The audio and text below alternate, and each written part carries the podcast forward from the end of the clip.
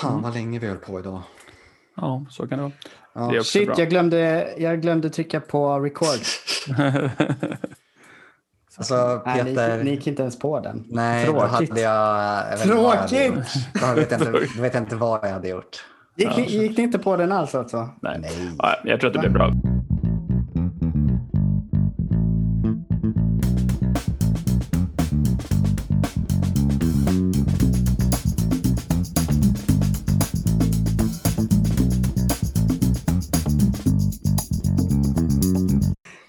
Och välkomna till ännu ett avsnitt av Fysiosnack med mig Peter Lindberg och tillsammans med mig här så har jag Fredrik Nordin, hallå, Tjena, tjena. och även Daniel Pantelic, hallå. Hallå, Hur eh, står det till med er? Eh, jo, men det är bra. Eh, jag var trött sist. Jag är kanske ännu tröttare nu. Eh, men nu har jag i alla fall ursäkten att eh, haft första veckan föräldraledig själv. Så det är därför jag är trött. Så jag har en ursäkt. Ja. ja, med mig är det bra. Allt är bra. Ja, och med mig är det också bra. Ja, Eh, bra. Och vad har vi för tema idag Fredrik? Eh, idag tänkte vi snacka lite om menisker och knän och det tänkte vi också göra en liten serie av. Så idag tänkte vi snacka om mekaniska symptom eh, vid meniskruptur. Eh, nästa avsnitt är planen att snacka lite om kliniska tester vid misstanke om meniskskada. Och tredje avsnittet är tanken att snacka lite om operation och behandlingsalternativ vid, meniskskador. Eh, så det är väl det vi tänkte köra. Men idag som sagt då så är det mekaniska symptom och dagens artikel är, heter Eh, conundrum of Mechanical Knee Symptoms Signifying Feature of a Meniscal Tear. Eh, författare är Torlund et al. och den här publicerades 2018 i BGSM. Eh, och det här är en dansk studie, så grannlandet. Syftet med den här studien då, det var att undersöka associationen mellan meniskruptur och självrapporterade mekaniska symptom hos vuxna eh, med misstanke om meniskruptur. Eh, studien inkluderade patienter från en annan dansk studie eh, som, hade gjorts, som gjordes på deltagare som genomgått meniskoperation. Eh, och de deltagarna inkluderades i den här studien och även de som exkluderades i den här andra studien som inte hade någon meniskskada, men de inkluderades i den här studien istället. Eh, deltagarna var också minst 18 år och de var hänvisade till artroskopi av ortopedkirurger på grund av eh, misstanke meniskruptur. Eh, de patienterna fyllde i KOS eh, en vecka innan artroskopin eh, och det var här då man kollade på de mekaniska symptomen, så om de upplevde upphakningar eller låsningar i knät eller om de hade upplevde någon eh, extensionsdefekt, svårt att extendera. Resultatet då? 817 patienter med misstänkt meniskruptur inkluderades. Av de här så hade 641 stycken en meniskruptur som man då såg vid artroskopin och 176 stycken hade ingen skada på menisken. Det var ingen skillnad i KOS-poäng eh, mellan de här två grupperna förutom i subkategorin symptomskalan där det fanns en liten skillnad mellan grupperna. Eh, av det totala antalet patienter så hade 55 procent rapporterat symptom av upphakningar och låsningar och 47 procent upplevde extensionsdefekt. Av de med mekaniska symptom och misstänkt ruptur hade 75 procent av dem en faktisk ruptur. Av de utan mekaniska symptom hade 82 procent en ruptur. Mekaniska knäsymptom var lika vanligt förekommande hos patienter med eller utan meniskruptur. Och det här var sant för både yngre vilket var 18 till 40 år och äldre patienter, vilket var de över 40 år. Eh, när man analyserade subgrupper så såg man att de som hade en stor longitudinell meniskruptur de rapporterade lite oftare en, en extensionsdefekt än de som inte hade någon meniskskada alls. Eh, men det var ingen skillnad mellan de här heller när det kom till upphakningar och låsningar. Så konklusionen av den här studien är att patientrapporterade mekaniska symptom är lika vanliga hos det med eller utan faktisk meniskruptur. Och därför så kan man ju verkligen ifrågasätta hur väl eh, mekaniska symptom Eh, fungerar som diagnostiska frågor för just meniskruptur.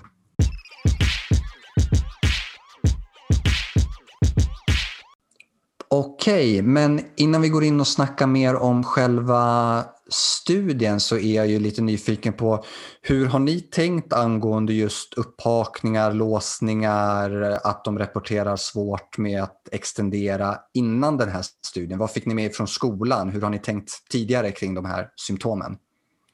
Mm, jag har tänkt att eh, om man har de här mekaniska upphakningarna, låsningarna och just en extensionsdefekt så har väl jag alltid tänkt på att det är en intraartikulär patologi i bakgrunden, i alla fall det talar för det. Um, vi lärde oss i skolan mer att det, att det ringar in meniskrupturer starkt. Men jag har väl med lite annan data tidigare då eh, kommit till slutsatsen att det egentligen mest pekar på intraartikulär patologi. Och jag har också tänkt i liknande banor där att träffar jag en patient med knäsmärta som samtidigt också har de här mekaniska symptomen som till exempel upphakningar eller låsningar eller svårighet att extendera knät helt, då har jag också nog i större grad misstänkt att det skulle kunna föreligga en eh, meniskruptur. Men, men självklart eh, tar man ju hela symptombilden i beaktande. Eh, men vad vi fick lära oss från skolan, det kommer jag faktiskt inte ihåg. Mm. Gammal. Precis. Jag fick väl med mig från skolan, precis som du Daniel, väldigt tydligt att det här var liksom, hade man en patient som rapporterade upphakningar, låsningar, problem med sträckning, extension, så var ju det tydliga tecken på meniskruptur. Och det har väl hängt med ganska mycket. Sen har jag väl absolut minskat i hur dogmatisk jag är med de Eh, symptomen och tänka menisk. Men tanken att de här symptomen tyder på meniskruptur, de har väl ändå funnits där. Absolut, det tänker jag. Eh, hörni, vi går in lite på själva studien och det, jag tänkte faktiskt, det är en grej där som jag ville börja lyfta och det är att det man använde i studien det var ju att patienterna svarade helt enkelt på enkätfråga om upphakningar, låsningar och problem med extension och hur vanligt det problemet var. Intressant där är ju att om det skulle ge andra resultat om man mer grottade ner sig i de här frågorna och ställde lite mer följdfrågor och försökte utreda lite mer. Vad menar patienten med upphakning, med låsning, med svårt att sträcka? Om det skulle göra att ja, men då kanske man kan få fram tydligare tecken på att det faktiskt är meniskskada om man grottar ner sig? Eller är det fortfarande så att nej, men, det här är ganska generella symptom för knäbesvär bara. Eh, det tyckte jag var lite intressant och värt att notera den biten i alla fall. Ja, jag tycker att för en kliniker när man lyssnar på det här så ska man nog ta till sig det att eh, om patienter säger att de har en upphakning eller de säger att de har en låsning så ska man nog be om lite konkreta exempel på hur det faktiskt är för att avgöra vad de menar med det. För jag tror precis som dig att det, har man de mekaniska symptomen så som vi ser på dem så tror jag att det är mer relevant för, för menisk eller något annat intraartikulärt. Men jag tror många patienter har en, en annan bild av vad det betyder och det tror jag kan göra den här studiens resultat, eh, precis som du säger, lite tveksamt. Och jag tänker i liknande spår där att eh, man kan ju ha en upplevelse av att någonting hakar upp sig eller att det låser sig men att det faktiskt är så i verkligheten är ju, är ju en liten annan grej. Till, eh, som, som med stelhet till exempel, att man kan uppleva att man är stel i nacken men när man kollar rörligheten så har de ungefär samma rör, rörlighet ändå. Ja, som, som så får man höra väldigt ofta att det har låst sig i ryggen. Eh, och det, om man nu tittar på vad det betyder hos patienter så säger de att det är när det gör ont, när någonting gör akut ont, då är det att det har låst sig. Det är inte att någonting inte går att böja eller sträcka utan det är att det har låst sig. Jag kan tänka mig att det är så folk pratar om sina knän också. Ja men precis, det kan vara så. Så att det är ju någonting som är intressant eller bra att ha i åtanke att de här symptomen i det här det är baserat bara på fråga på en enkät. Har du de här symptomen? Ingen förklaring, ingen liksom vidare grotta ner sig i det utan har du de här symptomen, ja eller nej i princip.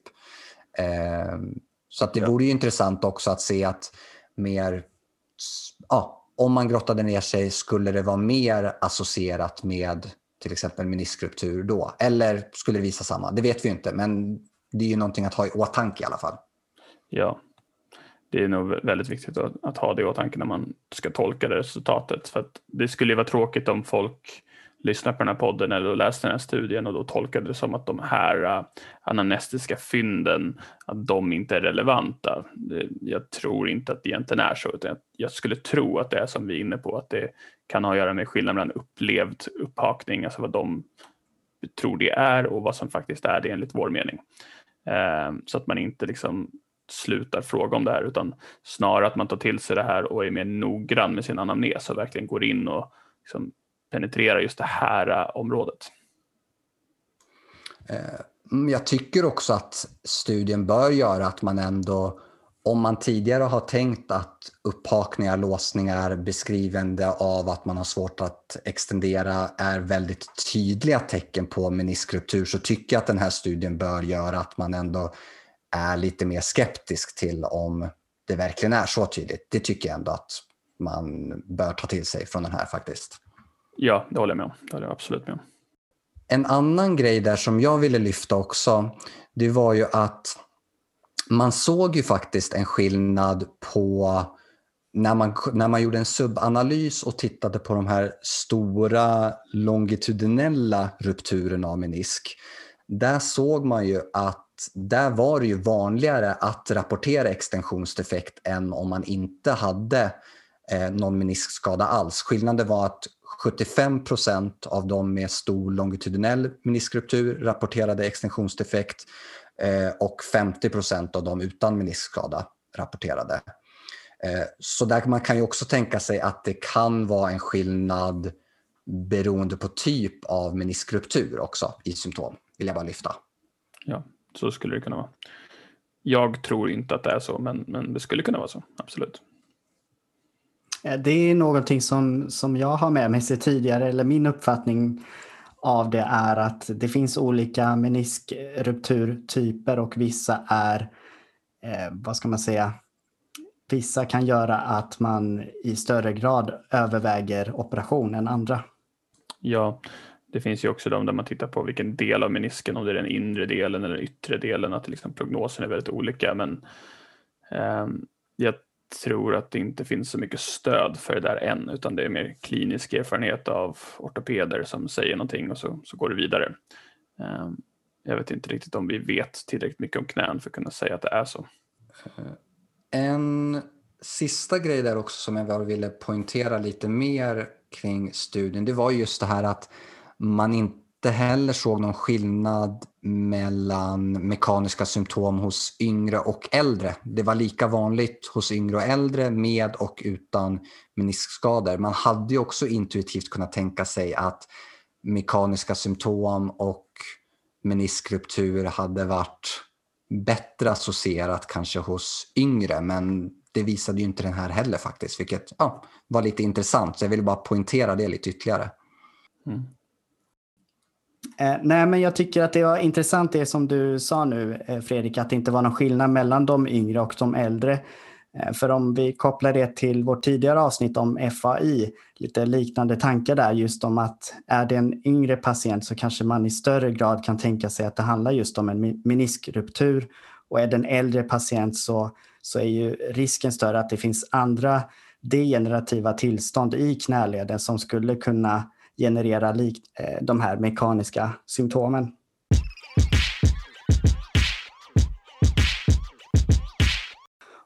Okej, okay, men så den här studien då visar ju att de här mekaniska symptomen inte nödvändigtvis behöver betyda att det finns en meniskruptur utan man kan, man kan ha eh, man behöver inte ha en meniskruptur för att ha de här symptomen helt enkelt. Så då kan man ju undra, ja, okej, okay, vad, men vad är det som orsakar de här me mekaniska symptomen om det inte är på grund av en meniskruptur? Vad säger ni där? Jag tar till mig det som studien säger att en meniskruptur korrelerar dåligt till de här mekaniska symptomen med upphakningar, låsningar och extensionsdefekt. Eh, jag tänker väl på de här symptomen att om de verkligen finns där i den mening som vi tycker att de finns det som kliniker så tycker jag att det pekar på ett interartikulärt problem och lite grann talar emot att det skulle vara ett extraartikulärt problem. Det är lite jag tycker studien bekräftar det, men, men ja, det är min tolkning av de här symptomen, så jag kommer fortfarande fråga efter dem. Eh, och jag tänker att jag kommer absolut fortsätta fråga om det, för jag tycker att det är relevanta eh, symptom att fråga om. Eh, vet inte däremot riktigt om jag håller med om att jag skulle tolka det så tydligt som att det är symptom på intraartikulära besvär. Det kan vara. Eh, man gjorde ju bland annat då i den här studien, eller man såg att hos dem utan meniskruptur men med mekaniska symptom då, eh, så gjorde man ju bland annat, ja men man rensade brosk och det är väl en möjlig orsak till eh, de här symptomen, att det kan vara artrosförändringar och liksom broskpåverkningar. Man gjorde också en synovektomi eh, hos en del patienter. Det är kanske också en möjlig eh, orsak till de här symptomen. Men sen var det ju så att hos 46 stycken så gjorde man ingenting och jag tror att det är fullt möjligt att kunna rapportera liknande sådana här symptom som egentligen bara är kopplat till knäbesvär utan att det måste vara så himla specifikt vad det är eller intraartikulärt. Men att det kan vara intraartikulärt, absolut. Ja, jag, jag har lite svårt att se vad för någonting extraartikulärt som skulle kunna ge det här om det nu är upphakningar i den bemärkelsen som vi tycker att det är upphakningar. Eh, och samma sak med extensionsdefekt, att det är klart en guarding-beteende skulle kunna ge det, men om du inte är väldigt, väldigt smärtpåverkad i baksida lår eller liksom popliteus så vet jag inte vad som skulle stoppa det på det viset. Då är det väldigt mycket smärta och inte bara en liksom begränsning. Och jag tänker att det skulle kunna vara ett tecken på något intraartikulärt. Men jag funderar också på att eh, eh, de här, en del patienter blir ju bättre av träning, eller många blir bättre av träning, men också att deras mekaniska symptom kan ju förbättras av träning. Så då kan man fråga sig, vad är det som händer där? Ja, Sen kan man också ifrågasätta det här med tid. Ofta när de här personerna söker så är det ju någon smärta de har haft under en kortare period, alltså månader. Och sådana här saker tenderar ju att bli bättre med tid. Så ibland vet man inte om det kanske är just att träningen görs samtidigt som personen läker. Jag tror inte att vi vet det än. Och skulle man fråga en MDT-terapeut så skulle ju den diagnostisera det som ett derangement i knä och göra upprepade rörelser i extension för att eh, få upp rörligheten. Mm. Ja, jag tänker att eh, mobilisering av knä ja, vet vi är bra oavsett vilken förklaringsmodell man väljer att använda. Och då tänker jag ju på, liksom, okej, okay, om vi kan förändra rörligheten i, i, så snabbt, är det verkligen då ett, ett strukturellt eh, problem? Eller kan det vara någonting annat? Det kan alltid vara någonting annat, så är det. Men utifrån den här studien så i alla fall de här mekaniska symptomen korrelerar dåligt till just ruptur.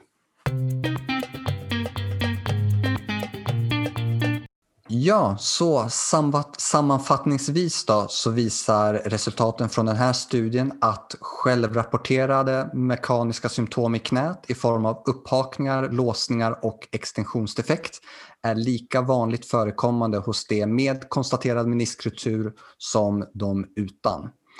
Eh, det är bra att fråga patienten om dessa symptom men det behöver inte nödvändigtvis betyda att de har en meniskruptur. Om det är ett tecken på intraartikulärt besvär eller inte är mer oklart. Besvären verkar vara mer associerat med knäbesvär i allmänhet än enbart meniskrupturer. Eh, är vi nöjda med den sammanfattningen? Ja, Ja. Snyggt. Kanon. Och i nästa avsnitt så kommer vi diskutera kliniska tester för meniskbesvär och en översiktsartikel som tar upp det. Så det blir spännande. Så då fortsätter vi på temat. Ja. Vi hörs då. Det gör Ha det vi. Ha det bra. Hej då. Samma, hej. Hej.